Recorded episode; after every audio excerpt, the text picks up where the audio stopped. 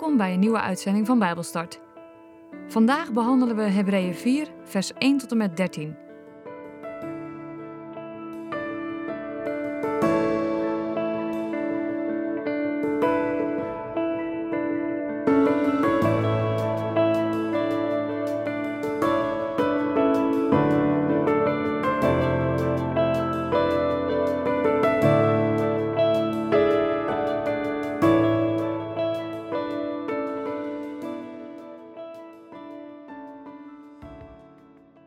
Ik lees met jullie uit de basisbijbel Hebreeën 4, de versen 1 tot en met 13. Zorg er dus voor dat jullie wel die rust binnengaan. Zorg ervoor dat het niet lijkt alsof jullie achterblijven.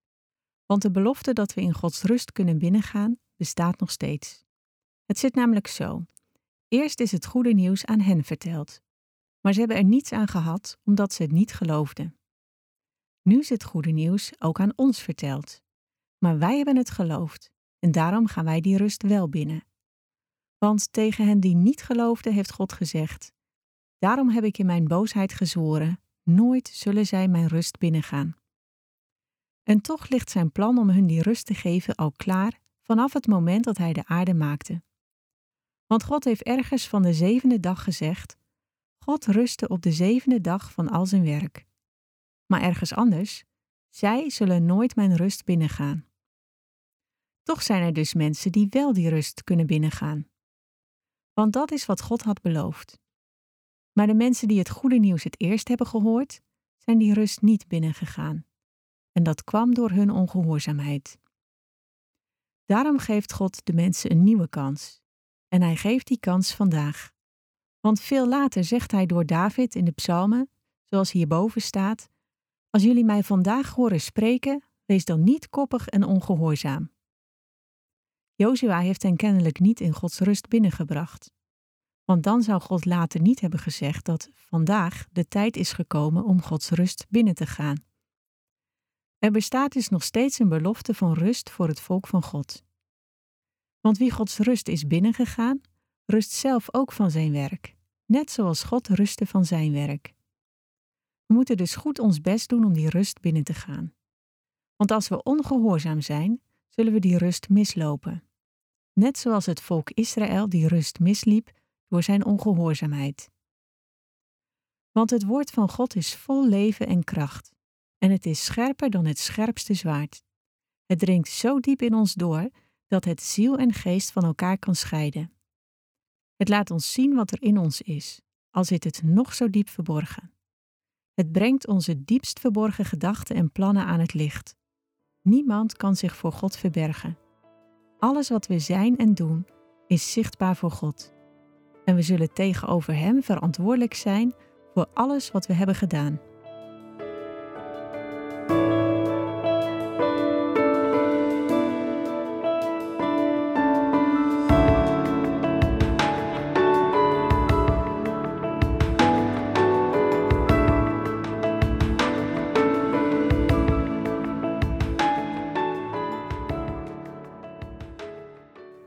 Hoofdstuk 4 is opgesplitst in twee delen. Het eerste deel gaat over de rust die God geeft.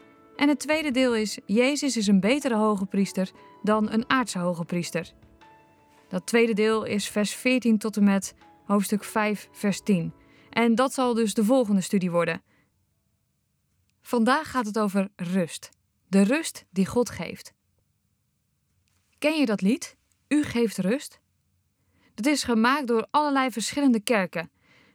En de tekst is: U geeft rust in mijn ziel. U geeft rust. U geeft rust in mijn ziel. De aarde kent uw grote kracht. Uw stem heeft haar tot stand gebracht.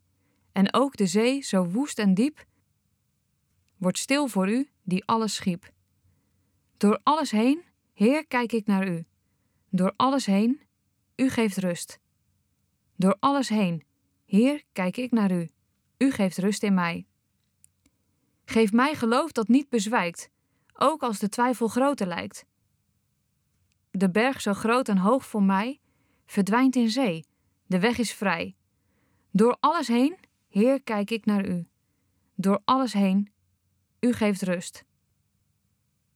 En dan is er nog een kleine brug met: Kijk op, laat los, vertrouw op Hem. De storm herkent nog steeds zijn naam.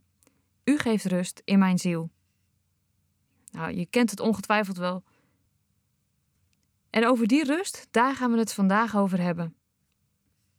Het is rust door stormen heen. In vers 1 doet de schrijver gelijk een dringende oproep.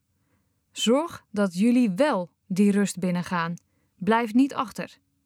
Die rust. Dat woordje die verwijst naar dat wat we in hoofdstuk 3 hebben behandeld. En daar behandelden we dat Jezus belangrijker is dan Mozes en de vergelijking met het volk van Israël in de woestijn. En toen verwees het woordje rust naar het land Canaan, waar het volk Israël niet binnen mocht gaan. Rust heeft meerdere betekenissen in de Bijbel. Zo vinden we sowieso de zevende dag, de rustdag. En dat is een blijvende herinnering om rust te nemen. Ik weet niet hoe dat bij jou zit, maar die rustdag die vervaagt al snel. En vooral in onze 24-7 maatschappij. Elke dag, op elk moment, kun je wel iets kopen, kun je wel ergens heen gaan. En altijd is er wel iets te doen. En via onze telefoon staan we altijd in verbinding met elkaar. Die zevende dag, die rustdag. Blijf er aan vasthouden.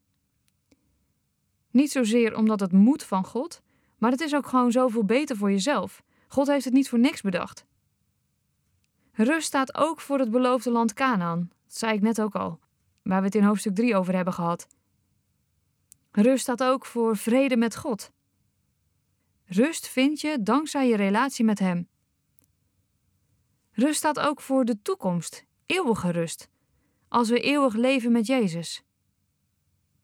En deze vier beschrijvingen waren bekend bij de Joodse lezers van de Hebreeënbrief.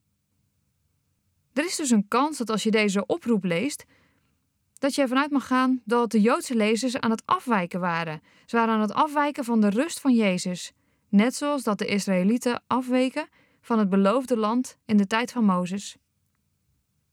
En dat afwijken dat komt vaak door moeilijkheden op dat moment. Want hoe vaak gebeurt het niet dat moeilijkheden de belofte van God overschaduwen?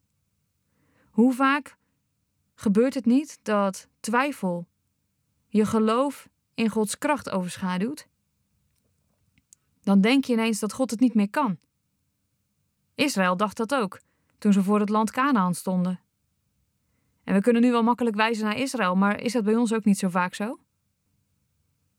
Hoe vaak denk jij niet, ja, die roeping op mijn leven, dat lijkt eigenlijk gewoon onmogelijk. De taak die ik gekregen heb van God, ik zie dat eigenlijk niet zitten hoor. Ik zie het soms ook bij mezelf. En dan zie ik dat vooral aan heel hard zelf werken, in plaats van alles aan God overdragen. Maar de schrijver roept hier dus op om stand te houden en wel in de rust te blijven die God ons geeft. En dan vervolgt de schrijver met: Het zit namelijk zo. Eerst is het goede nieuws aan hen verteld. Het goede nieuws is eerst verteld aan de Joden. Ze hadden er weinig mee, want ze geloofden het niet. Mensen in de tijd van Mozes kenden de regeltjes. Ze kenden de verhalen. Maar ze kenden geen persoonlijke relatie. En dus liep het op niets uit. Veel mensen in de kerk van vandaag kennen de regeltjes. Ze kennen de verhalen. Maar ze hebben geen persoonlijke relatie met God. Dus hebben ze er niets mee. Zie je de vergelijking? In vers 4 tot en met 6 gaat het opnieuw over de rustdag, de zevende dag. En dat is een voorproefje op de eeuwigheid. Alles is dan volmaakt en in harmonie. En ik weet nog dat ik op een gegeven moment een dominee had die zei: Ja, die rustdag, dat is een voorproefje op de eeuwigheid. Waarop er iemand bij mij in de categorisatiegroep zei: Alsjeblieft zeg, dus de hemel is een eeuwigdurende kerkdienst? Nou nee, dat bedoelde de dominee er toen niet mee. Maar we mogen het hebben over die volmaaktheid en dat alles in harmonie is. Daar mogen we over nadenken. En dat is een voorproefje op de eeuwigheid. Opnieuw komt dan het vergelijk tussen het volk Israël, dat Canaan binnen mocht gaan, en de mensen nu, die hier nu de Hebreeënbrief lezen. Het volk van God mocht Canaan niet binnengaan omdat ze koppig en eigenwijs waren. Ze vertrouwden God niet. Maar God geeft een nieuwe kans. Hij geeft ons de kans om tot Christus te gaan en ware rust te vinden. Het is tijd om in Jezus te geloven en die plek van rust binnen te gaan. En God wil dat ook graag. Dat zie je ook in de tijd van eh, de Israëlieten, in de tijd van Mozes. God beloofde rust. God beloofde het land Canaan. Ze vertrouwden God niet, maar uiteindelijk maakte God wel zijn belofte waar. Uiteindelijk kwamen ze in Canaan. En hoe zit dat dan voor christenen nu? Hebben wij vrede met God? Hebben we vrede nu, later en in de eeuwigheid? En moeten we dan per se wachten tot de eeuwigheid om nu al te genieten van de rust en de vrede? Nee, het is dagelijks te ervaren, nu al. Tuurlijk, later als we naar de hemel gaan, dan heb je voltooide rust, volmaakte rust. Dan is het perfect. Maar ook vandaag de dag mag je al genieten van de rust die God jou wil geven. En die rust, die ervaar je in je hart, in je ziel. We komen aan bij vers 12 en 13. En daar staat: Want het woord van God is vol leven en kracht. En het is scherper dan het scherpste zwaard. Het dringt zo diep in ons door dat het ziel en geest van elkaar kan scheiden. Het laat ons zien wat er in ons is, al zit het nog zo diep verborgen. Het brengt onze diepst verborgen gedachten en plannen aan het licht. Niemand kan zich voor God verbergen. Alles wat we zijn en doen is zichtbaar voor God. En we zullen tegenover Hem verantwoordelijk zijn voor alles wat we hebben gedaan. En veel mensen schrikken van deze tekst. Maar waarom? Wat roept het bij jou op? Allereerst is het woord van God vol leven en kracht. Ik weet niet hoe dat bij jou zit, maar ik heb op maandagochtend een gebedsgroep. En dan bidden we voor elkaar en we vragen ook beelden en woorden voor elkaar. En ik weet niet of je het wel eens hebt gehad, een woord voor iemand. En vaak ga je dan zelf denken, dan denk je, huh, daar kan die ander vast niet zo eh, niets mee. Maar in werkelijkheid, op het moment dat je dan dat woord of dat beeld uitspreekt, uitlegt, het woord van God, niet alleen dus de Bijbel, maar ook woorden die God je dus geeft. Ik vind het al zo gaaf om te zien dat mensen daar juist heel erg op aangaan. Dat ze zeggen: Oh wauw, dit speelt echt heel erg in mijn leven. Of hé, hey, je bent al de zoveelste die dit gezegd heeft. En daarom vind ik dus proclamatie ook zo mooi. Het herhalen, herhalen, herhalen van Gods woord. Teksten uit de Bijbel leren, ja, dat zijn wij tegenwoordig niet meer gewend. Maar ik weet door het werk van TWR dat er in de vervolgde landen heel veel mensen juist blijven leven en blijven, ja, kracht blijven putten uit die proclamatie. Heel veel mensen in gesloten landen hebben geen Bijbel meer. Dat is te gevaarlijk. Maar zij hebben teksten uit hun hoofd geleerd en die herhalen ze. En daarmee vinden ze elke keer weer de kracht om weer verder te gaan. Het woord is scherper dan het scherpste zwaard. Een chirurgisch mes, daar zou je het misschien mee kunnen vergelijken. Het is vlijmscherp. Het snijdt overal doorheen. En het laat zien wie we wel en wie we niet zijn. Het laat zien wat er in ons binnenste leeft. Het woord van God is geen automatische autootje wat woorden van God tussen de ene en de andere hersenhelft heen en weer vervoert. Nee, het is niet iets wat je in je hoofd moet blijven houden. We moeten er zelf wat mee doen. We mogen ons laten vormen en laten leiden door dat woord. Mogen? Moeten.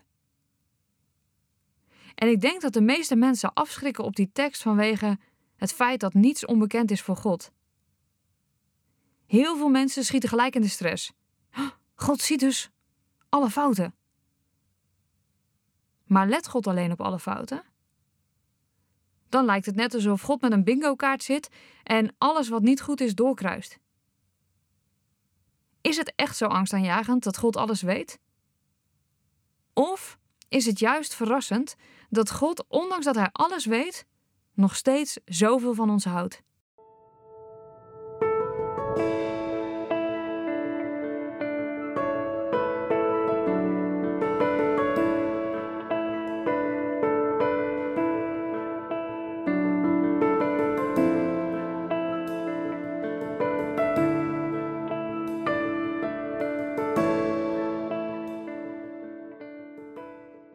Was Bijbelstart, een programma van TWR. Het is gebaseerd op het Amerikaanse programma Through the Bible, ook wel TTB genoemd. En deze uitzending is een samenvatting van twee afleveringen. Wil je meer weten? Ga dan naar ttb.org of ga naar twr.nl/bijbelstart.